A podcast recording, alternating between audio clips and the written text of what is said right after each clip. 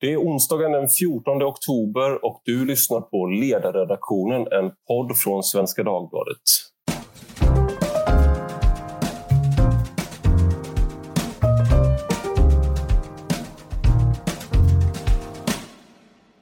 Jag heter Ivar Arpi och idag ska vi prata om trygghet och hur man skapar mer trygghet. Och med mig för att prata om det har jag Jan Emanuel Johansson, socialdemokrat och Hanif Bali, moderat. Välkomna båda två. Tack så mycket. Och ni har ju precis varit och pratat i eh, Norrtälje om, eh, och det var på ditt initiativ Jan Emanuel om jag har förstått det rätt, eh, hur man ska göra Norrtälje till ännu tryggare och vad man behöver för att göra det. Eh, och ni hade en eh, eh stod på scen, modererat av Staffan Dopping och hade politiker från kommunen där. Ehm, och i stort så det, det som har blivit en, ehm, eh, vad ska man säga, det som har slagit igenom mediebruset är att ni har föreslagit bland annat att kameraövervaka med drönare. Men eh, det var fler saker i det här förslaget. Vill, ni, vill du Jan Emanuel bara berätta vad förslaget går ut på? Ja, det är i all sin, sin enkelhet. Att man grunden till tänket är ju att man kanske frångår så här, grundlä- att man kanske slutar att hela tiden försöka finna någon så här, ett ideologiserande av säkerhet där man liksom försöker finna någon form av så här, vänster-höger perspektiv så ska man tycka olika saker om det utan man bara med, utgår ifrån medborgarens trygghet och utifrån det kolla på vad vet vi fungerar? Vad kan man mäta och vad har man fått upp någonstans? Och kanske det som funkar i andra länder hur de har fått ordning och reda på städer med psykosocial, alltså där det finns en viss kriminell problematik.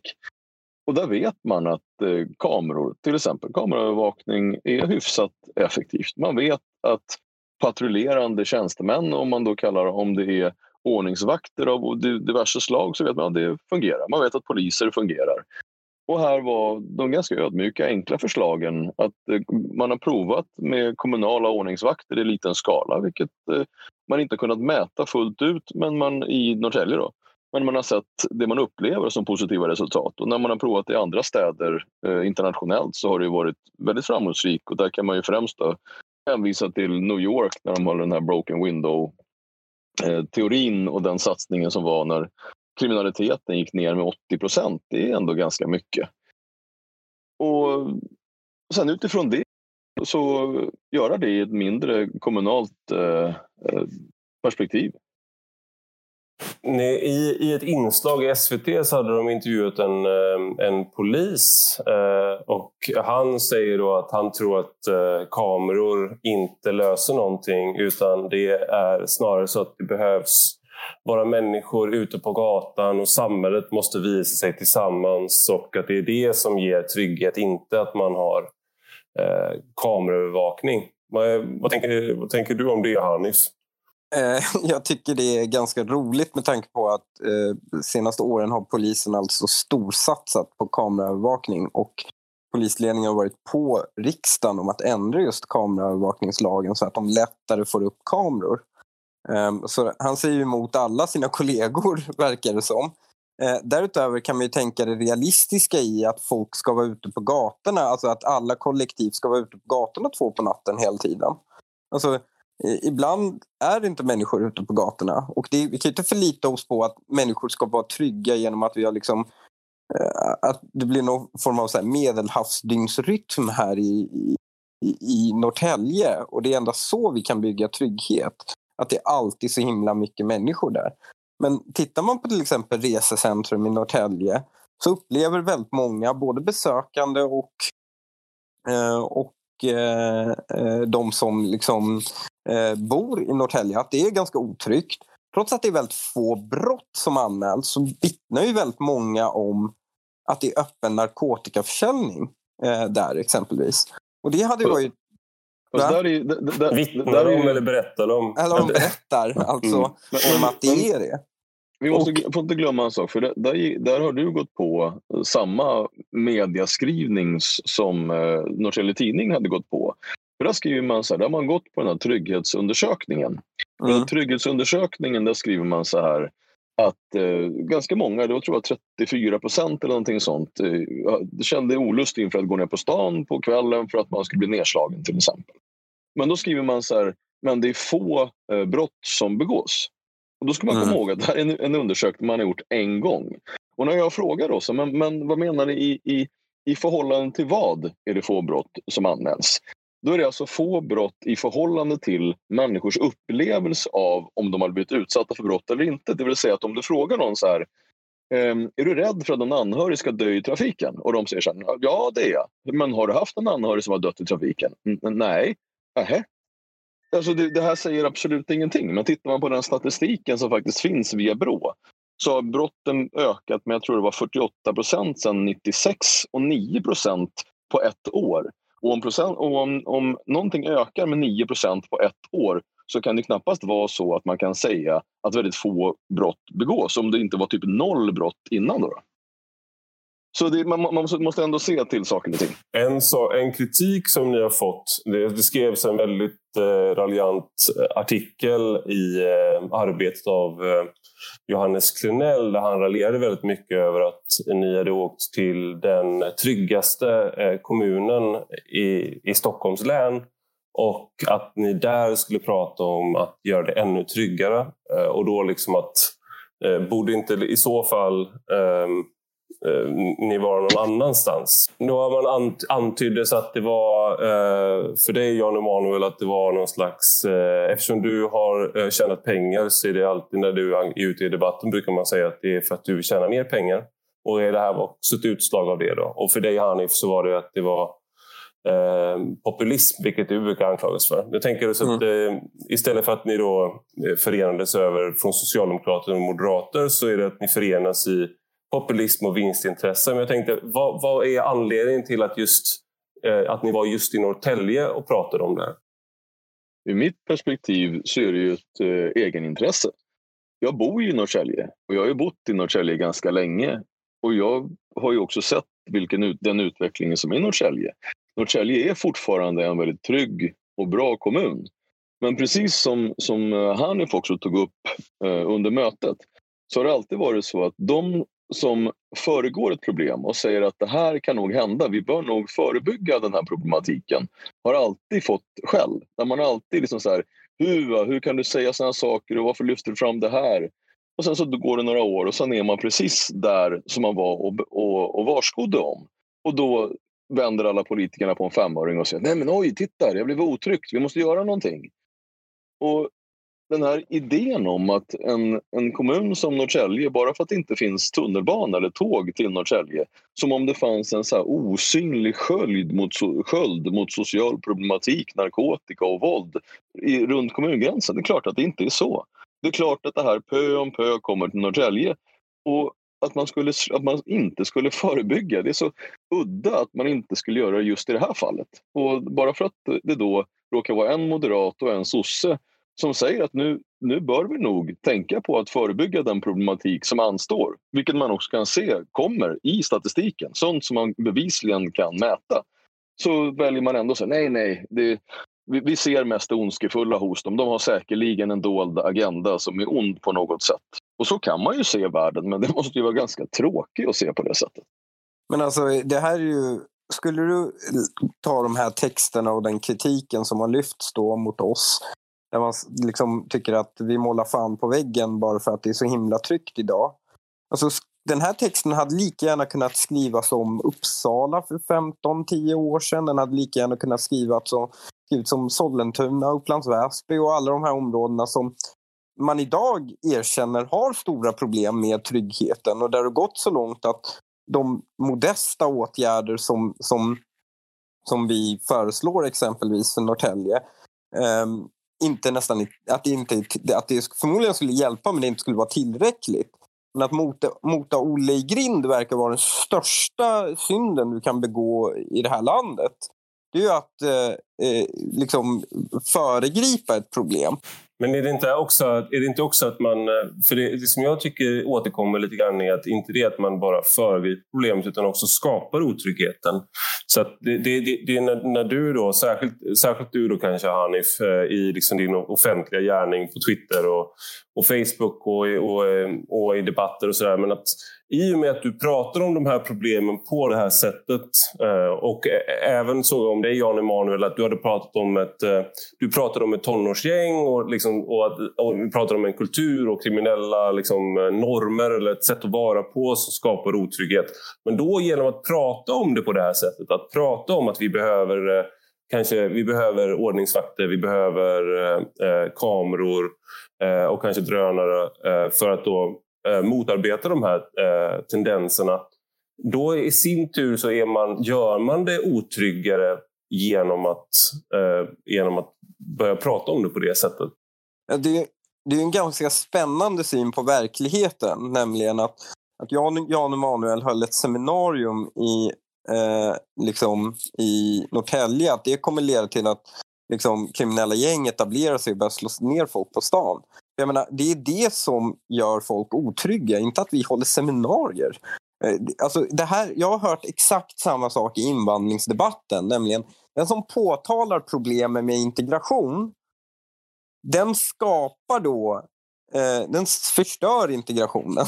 alltså, det, det här, det, det är liksom, det, då, då sätter man ju bilden att integrationen inte funkar och då går samhället eh, i, i tur. Som om arbetslösheten inte existerade, som om liksom de reella verkligheten inte fanns utan allting formas bara av ett narrativ vi pratar om. Eh, och det är ju det är helt verklighets... Jag, jag förstår inte hur vänstern som kallar sig själva för materialister kan tro på sånt. Det är ju magiskt tänkande. Det är ju, det är, det är, det är liksom på medeltiden tänkte man att trollkarlar gick ut och sa de besvärjelser och sen ändrades verkligheten. Och det här är ungefär den, den tron på ordets styrka de här människorna har. Nej, men sen är det ju också ett, ett ganska klassiskt problem, inte bara för vänstern, men att man har någon form av, av, av eh, grundläggande förakt för vanliga folk och deras upplevelser av hur verkligheten är. Här har vi då 34 procent, om det nu var ish, som upplever att det är otryggt när man går ner mot centrum.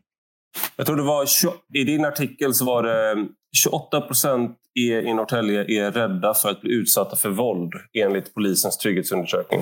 28 procent. Ja, men vi tar 28 procent.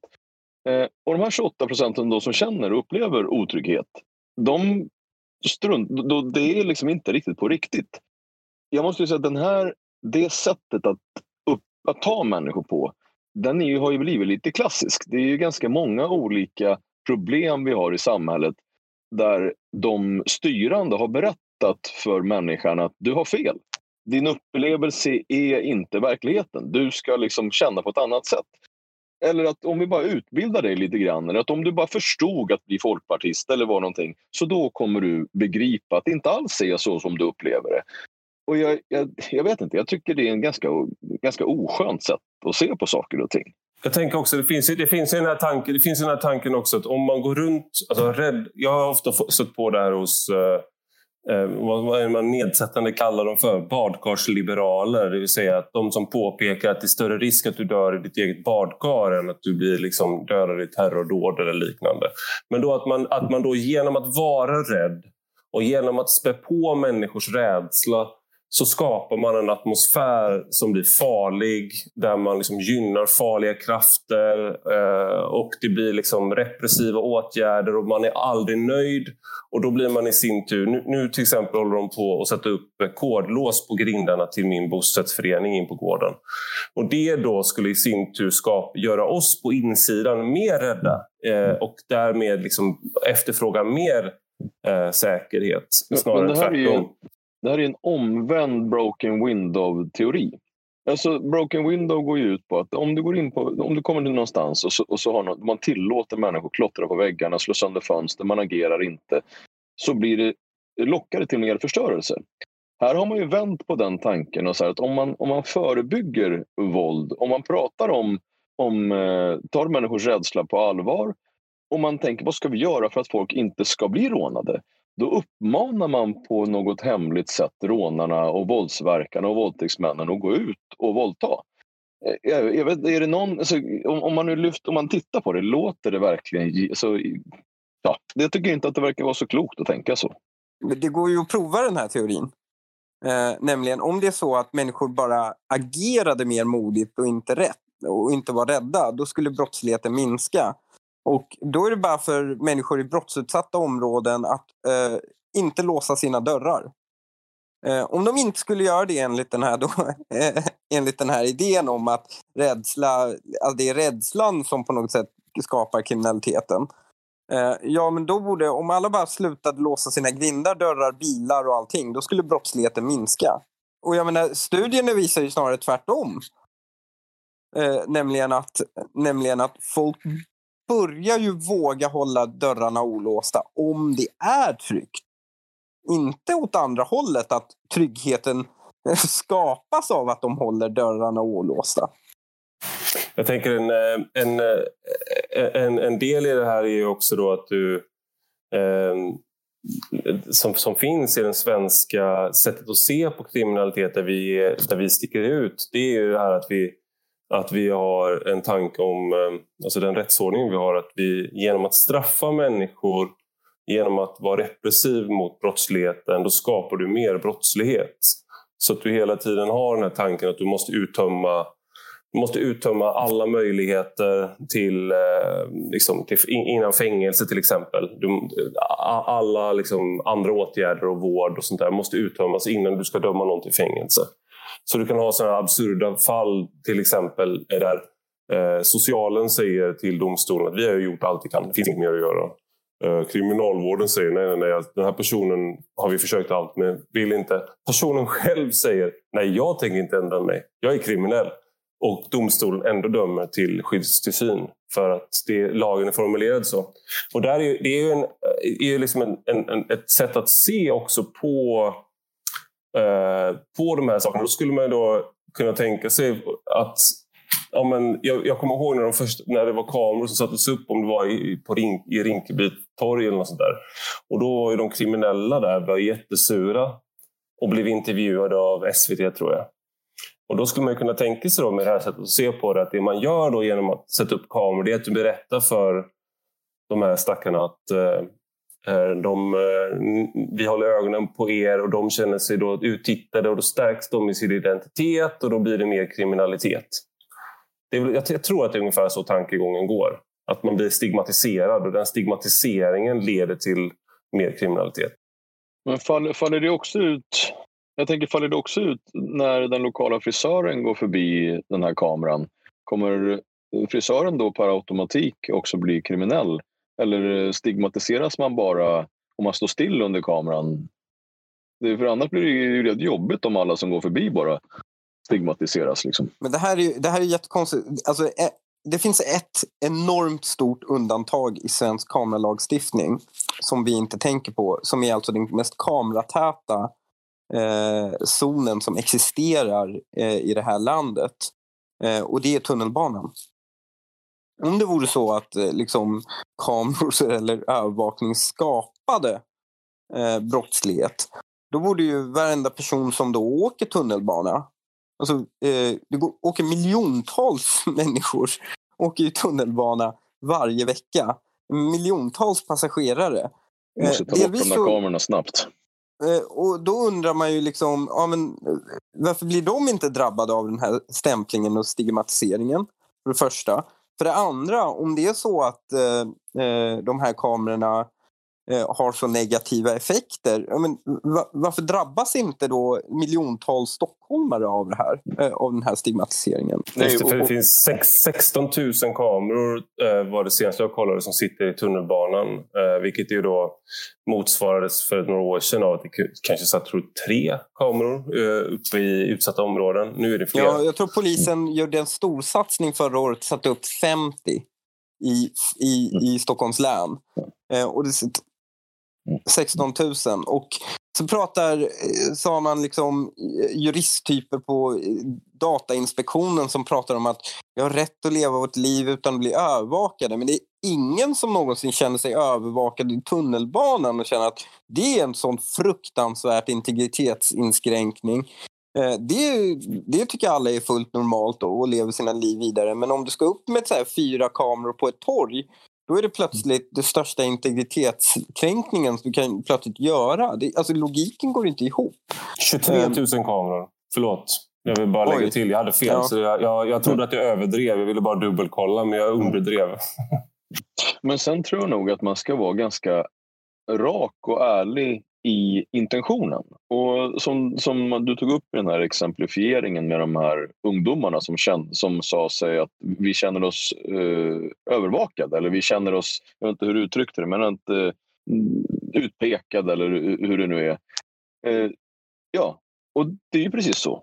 Det är ju det jag vill, att de, de platserna som är otrygga för vanligt folk som går, frisören som går och ska jobba, ICA-butiken som får, eller närlivset som får stänga på grund av kriminalitet.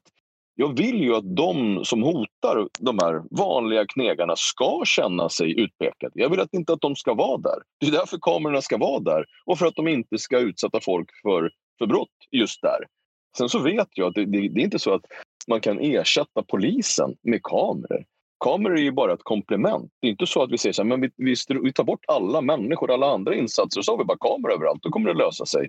Men det man vet, det är att det har en effekt. Och om vi vet att någonting har effekt mot brottslighet och som kan öka människors trygghet, vad är problemet?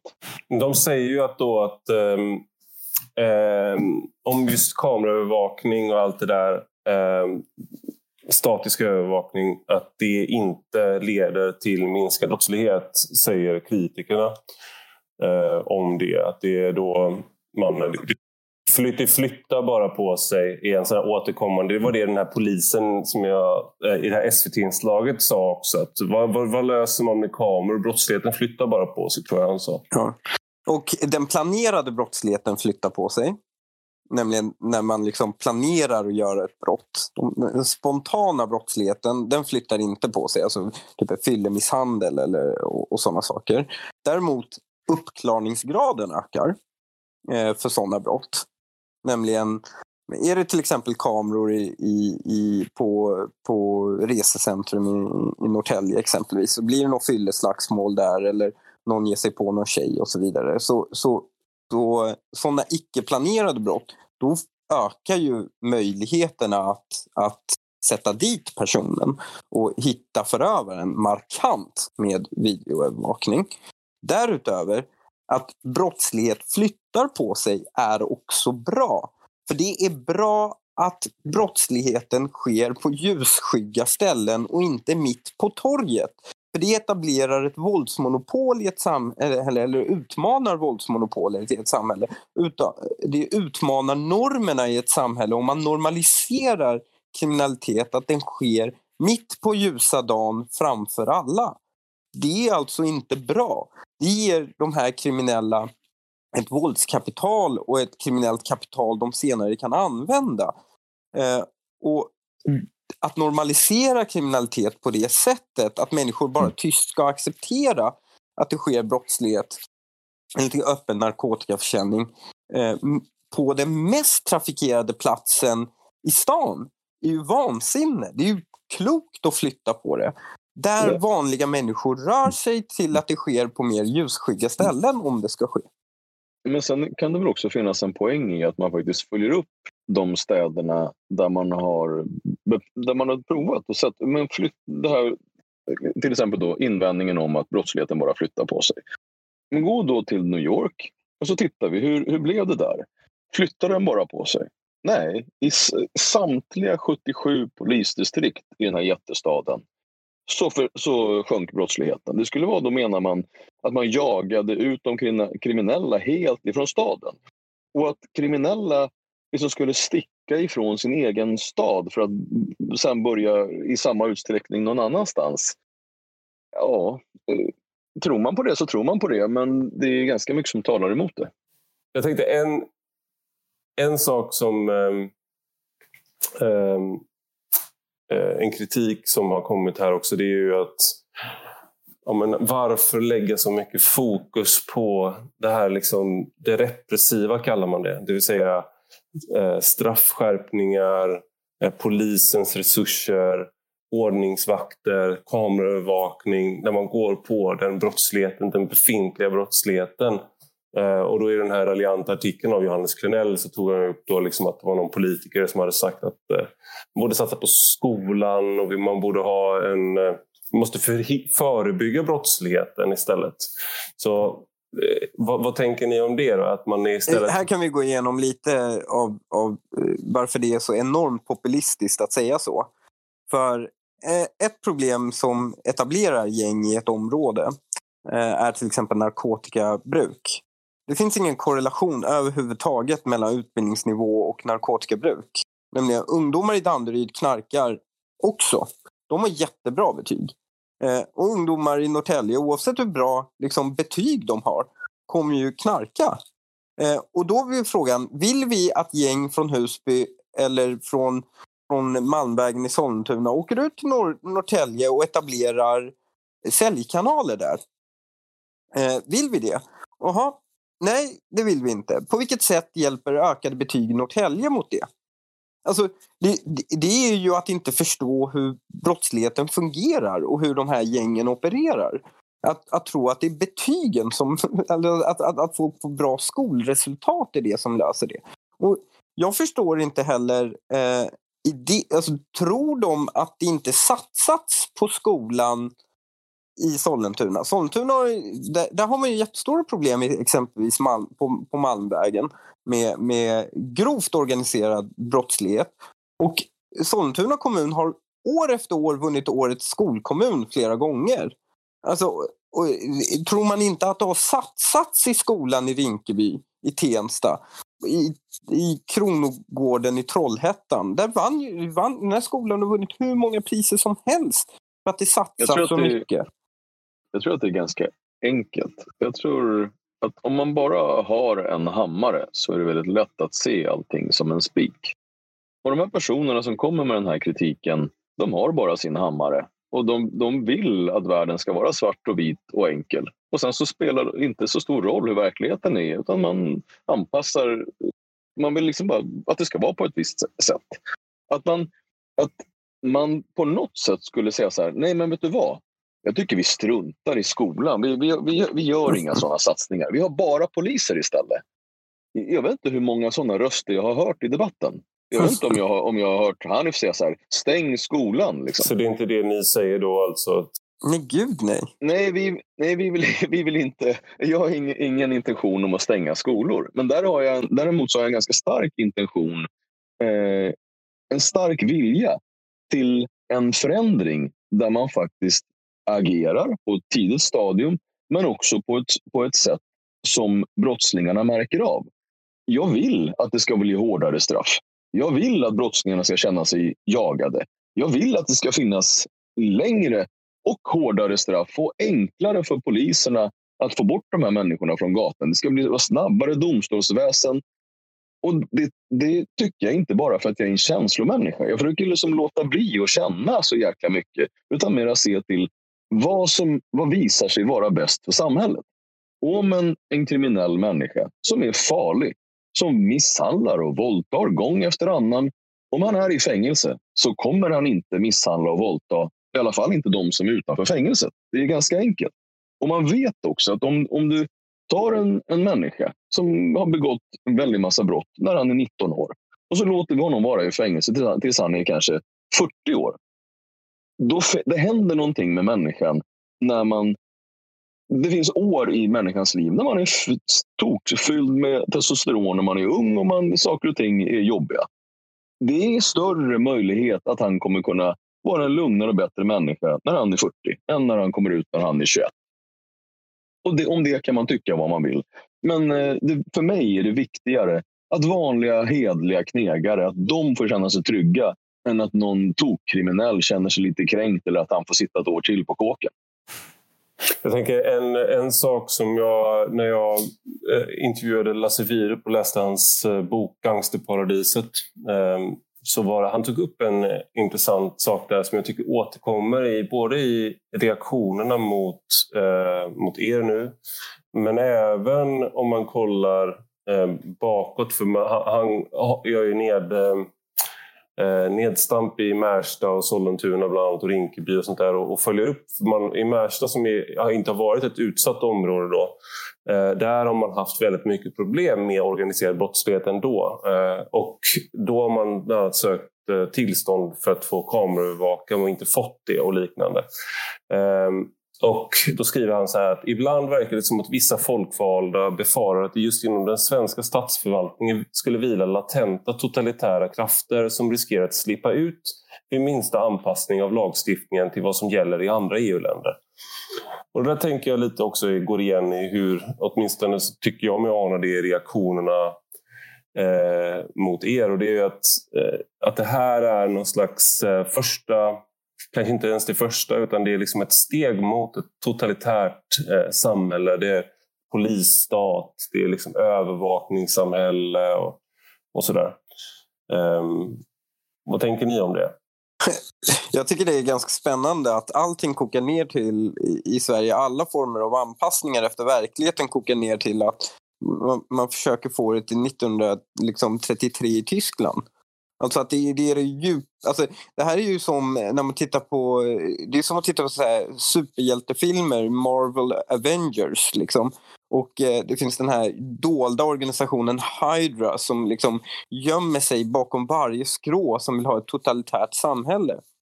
Och det här tyder ju på eh, en ganska barnslig och svartvit bild av verkligheten och sina meningsmotståndare. Där man tror att vi går, alla går runt och är gömt edsvurna nazister som vill ta över det här landet. Är det, inte, det finns ju en sån där... Det finns en scen i Sånger från andra våningen, tror jag, eller om det är Du levande av Roy Andersson. Då är det en man eh, som sitter hos en terapeut och berättar om en av sina drömmar. Och då är det att han står vid ett långbord, ett jättelångt bord. Och alla middagsgästerna står liksom uppställda. Och han ska göra ett trick som han har lovat att han ska kunna genomföra. Och det är att han ska dra undan duken på det här gigantiska långbordet utan att något bestick liksom, och, eller, inget mm. av eh, eh, porslinet åker i golvet. Och givetvis så misslyckas han och allting åker ner långsamt i golvet. Eh, och det är liksom hur mycket som helst. Och under då, på det här långbordet så är det inristat en svastika. Eh, och det där är ju liksom en återkommande tankefigur. Mm. Och då, då, tänker jag de här 28 procenten som du tar upp i din text, Jan Emanuel. Eh, som är oroliga för att bli utsatta för våld. De är ju då någon slags protofascister i det här sättet att tänka på något sätt. Det där är de man använder när du tar, börjar ta makten. Mm. Den rädslan. Jag, jag, skulle vilja måla upp en, en bild som säkerligen många skulle kunna säga men du, du är ju ute efter det där fascistoida samhället. Jag kollade på en film Eh, det är, en, det är en kvinnlig konstapel och en manlig konstapel som är ute i en förort. Och så tar den, den ena konstapeln han tar handen på batongen för att det är en tre, fyra stycken ligister som närmar sig på ett hotfullt sätt. Och då säger den, den här ligisten att om du rör den där eh, batongen då ska du se på annat. Och då släpper konstapeln batongen och säger ja, det är lugnt, det är lugnt, ta det lugnt nu. Och då gör den, den kvinnliga konstapeln samma sak, tar sin hand mot eh, sin batong, håller fram handen och försöker, försöker skjuta den här ligisten på lite avstånd. Och då säger han så här att om du rör den där batongen då ska jag stoppa upp den i dig. Och hon backar. I min bild, det jag vill se är att det kommer in ett stort gäng poliser, slänger omkull de här ligisterna, bojar dem och tar dem därifrån och han ska sitta i fängelse. Jag vill att han ska ha en respekt, en rädsla för det våldsmonopol som finns i Sverige. Jag vill inte att våldsmonopolet ska backa. Jag vill inte se poliser säga så här, ja, ja, ja, men jag tar bort handen från batongen, ta det lugnt. Jag vill att han ska använda den där batongen på den hotfulla mannen, för det är det som batongen är till för. Och han ska lära sig att han ska inte försöka hota poliser. Punkt. Men alltså, det är ett rop. Nej, det eskalerar inte. Det eskalerar inte ett skit. Utan det, det visar på att det är polisen som bestämmer. Att du kan inte ge dig på staten på det sättet för då åker du i backen och blir bojad och hamnar på kåken. Och där ska du vara tills du har skärpt till dig. Men här är ju, här är ju problemet är att eh, polisen försöker deeskalera i den enskilda situationen. Men det eskalerar ju den generella situationen. Nämligen att alltså, det var ju otänkbart för några år sedan eh, att eh, polisen håller på att göra ett enskilt gripande och det dyker upp 15-20 polare och bara fritar honom. Alltså det, var ju, det, är en o, det var en otänkbar tanke för några år sedan. Och idag är det vanligt. Det här visar ju på att, så att säga, den deeskalerande situationen eller den, den, den eskalerande strategin snarare eskalerar eh, mm. undergrävandet av våldsmonopolet. Ja, det, är, är skit, alltså, på ren svenska, det är en skitstrategi. Alltså, titta, mm. det, det, är inte så att vi behöver åka jättelångt för att se länder där människor fortfarande har respekt för polisen. Det är inte så att vi behöver åka utanför EU-länderna. Det räcker mm. väl att åka till, till ett semesterland som Spanien. Åk, åk till, eh, till Marbella och så tycker jag gå fram och spotta på en polis och skrika att han är en horunge. Jag tror att den, det, det som händer då är ju någonting som jag skulle vilja hända i Sverige också. Man alltså, behöver bara åka till Finland för det. Ja, det finns exakt. inte någon, någon, något utmanande mot våldsmonopolet där på det sättet. Nej, så varför ska vi... Så frågan då, ta det som en grundläggande fråga. Varför ska vi tolerera det i Sverige? Vad är det som gör att Sverige ska utmärka sig på de mest knasiga sätt gång efter annan? När man vet att det finns sätt att agera som gör det bättre för den vanliga, hedliga, arbetande medborgaren. Men alltså, det, det, är också ganska intressant med kritiken som har riktats mot oss. Nämligen, man pratar ju hela tiden om att hårdare straff och, och så, eh, det, det, det är en återvändsgränd och istället ska vi satsa på förebyggande åtgärder. Och när då man diskuterar förebyggande åtgärder som till exempel ja, men kameraövervakning, ha patrullerande vakter, eh, se till att uh, liksom, ungdomar som börjar hänga med i fel kretsar blir kontaktade av, av eh, kommunen, alltså deras föräldrar blir kontaktade av, av, av kommunen och, och eh, varnade för att ja, men nu börjar din ungdom hänga med de här personerna. Eh, då då tycker man att vi, ja men de här har ju, det är ju, det är ju inget brott att umgås med, med, med äldre kriminella. Varför, varför vill ni, vad är det här för, jag tror eh, Johannes Klenell i Arbetet kallade det för ett minority report-samhälle där folk ska dömas för, eh, för brott de ännu inte har begått. Och jag menar, det, det har ju, ingen har ju sagt att de ska dömas för någonting men preventiva åtgärder när höger föreslår dem, då är det rättsvidrigt. Men, men på något sätt, mm. eller inte högern, bara allmänt om, om de preventiva åtgärderna är saker de här ekonomerna inte tycker om, då är det mm. rättsvidrigt. Men om de preventiva åtgärderna eh, som föreslås är saft och bullar och, och krankalas med varandra, då är det jättebra trots att det ger noll effekt. Sen, sen skulle jag bara lägga till här att om man kollar på eh, åtminstone i Stockholm och i, i, även i Göteborg och en del andra ställen. Om man kollar på de områden som kallas ut, som klassificeras som utsatta så har eh, inte, det har inte blivit värre vad gäller arbetslöshet och utbildningsnivå sen liksom, de senaste tio åren. Utan tvärtom så har många gånger skolresultatet eh, skolresultaten blivit bättre. Arbetslösheten nu i corona tror jag att det är annorlunda, men fram tills corona så var det inte så att det var en eh, rent socioekonomiskt då, det var inte en nedåtgående trend utan tvärtom. Det gick åt andra hållet i flera av de här utsatta områdena samtidigt som då kriminaliteten blev allt grövre och eh, fick större samhällspåverkan. Så att, och det borde ju i sin tur då eh, leda tanken till att okej, okay, de sociala insatserna vi gör har effekt. Eller om det nu är det man tänker att det ligger bakom det där. Att det finns någonting, vi får ett resultat här. Men det som vi hoppades skulle komma ut i andra änden, en av de konsekvenserna, det vill säga att kriminaliteten sjönk, det sker inte. Då tittar man efter något annat preventivt, skulle man kunna Men, tänka. Jag kan tänka mig, jag, jag, förstår inte varför heller. Jag tycker det är bra att satsa på skolan för att bra skolresultat är bra i sig. Jag tycker det är bra att satsa på liksom, de här olika sociala insatserna för att de är bra i sig för de effekterna det ger. Men att tro att det ska ge effekter på brottslighet också är ju önsketänkande. Du, alltså, fattigdomsbekämpning är väl bra för att fattigdom är dåligt. Men, tänker man, men du, så du köper inte den här tanken då med att det är, fatt, alltså, att det är fattigdomen i sig då, Nej, som leder till brottslighet? Det, det, har ju motbevisats så himla många gånger nu att kriminella, det är inte att så fattiga människor blir kriminella. Nej, det, det är inte så att liksom, fattiga människor har lättare till knytnäven än vad rika människor har.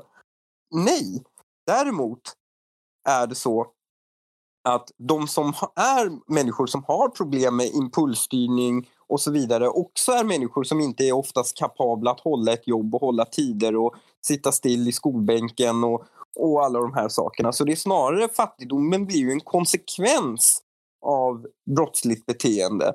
Så jag tycker det är väldigt, jag tycker det är faktiskt extremt förolämpande mot fattiga människor att påstå att de skulle vara mer kriminellt lagda. Jag tror inte det. Jag tror att vissa människor av olika skäl föds med eh, olika svårigheter och sen hamnar de i en miljö där de här svårigheterna tar sig i extrema uttryck. Eh, och, och jag tror inte lösningen blir då att vi ska, ja, men om vi, och det har ju provat, vi har provat att ge enorma resurser till skolor i utanförskapsområden. Vi har provat att ge enorma antalet sådana här eh, fritidsverksamhet och så vidare. Och det har inte påverkat brottsligheten alls. Snarare har brottsligheten i de här områdena förvärrats. Vad vi inte har gjort däremot historiskt är ju att satsa just på vakter, kameror, eh, försöka öka eh, graden av människor som åker dit, höjer straffen, att de får sitta in längre. Alla de här sakerna man provat i andra länder och det har funkat. Och som man också provat i Sverige förr i tiden och det funkade för att trycka ner brottsligheten.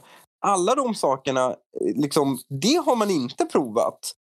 Men, men jag, jag tyckte Jan Emanuel sa det väldigt bra för, liksom, um, igår nämligen på det här seminariet. Om du gör samma sak om och om igen så kan du inte förvänta dig ett annorlunda resultat.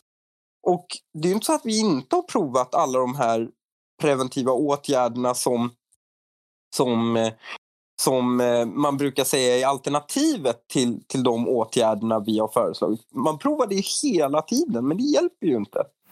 Jag tänkte en sista sak innan jag, innan jag släpper det. Jag tänkte det här med drönare.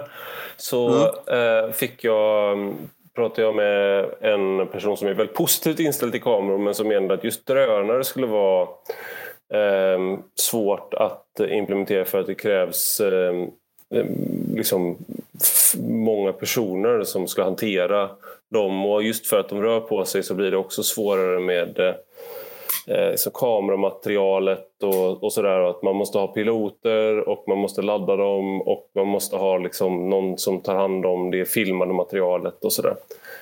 Mm. Vad tänker ni om det? Det, det, finns ju, ett så finns det ju eh, i USA system utvecklade för det här. De, den här tekniken utvecklades faktiskt eh, för Irak för att man, man spårade IEDs på det sättet. Ehm, nämligen att eh, en kamera höll koll på eh, ett, ett, större område. Och sen kunde man, meningen var ju också att om det blir, sker då ett brott någonstans så kan man spåra var den här personen kom ifrån. Och det skulle hjälpa med att hitta då eh, terrorceller och så vidare. Och det, det har då prövats i amerikanska städer för att liksom, man det blir ett bankrån så kan man gå tillbaka i ett större geografiskt område och sen se var kom den här bilen ifrån. Exempelvis, alltså var, var använder de som bas för att, för att begå det här brottet. Eh, men det är mer avancerade system. Sen finns det också mycket lättare mindre system. Alltså om du står och delar ut knark vid ett busstorg och plötsligt står en drönare och hovrar eh, 40 meter över dig, även om det bara gör det i en halvtimme, så är det otroligt irriterande såklart. Och den personen kommer flytta på sig. Och när, det, när det kommer till så här rent konkreta förslag som drönare till exempel. Om det visar sig att det inte är ekonomiskt eh, gynnsamt, att det är en, det är en, du kan få mer trygghet genom fasta kameror för samma peng än vad du får för drönare. Att vi, att vi helt enkelt inte har utvecklat tekniken så pass bra eh, i Sverige än. Det är inte så att jag säger nej, det ska vara drönare. Utan det är att, att fram till de mest effektiva metoderna som är bra för tryggheten. Sen när, drön, när vi har kommit fram till den tekniken så att vi har effektiva drönare som inte stör och som, man kan, som kan bli bra, ja absolut, använd drönare. Dyker upp en annan teknik som kan generera trygghet för medborgaren och på något sätt kan beivra brottslighet, då kör vi ju på det. Alltså för problemet med, med svensk kameralagstiftning, den är lite konstig. Jag får dra upp min mobiltelefon och filma vem fan jag vill. När som helst. Jo, men, men, är, men, så fort jag, vänta, eh, så, men så fort jag monterar, alltså så fort jag monterar den här kameran någonstans och inte har kontroll över den själv, då blir det olagligt. Jag får exempelvis filma från min bil, får jag filma överallt hela tiden på fordon. Eh, då, då får jag filma hur mycket som helst. Men så fort jag kliver ut ur bilen och kameran rullar, då blir det olagligt. Och det här är ju också, det här har varit ett sätt för oss att, att liksom med den nuvarande lagstiftningen försöka, i och med att det är någon som har kontroll på den här drönaren och att det blir en filminspelning, ja då blir det lagligt på ett helt annat mm. sätt också. Så slipper man hamna i det re krångliga regelverk som finns kring fasta kamerainstallationer.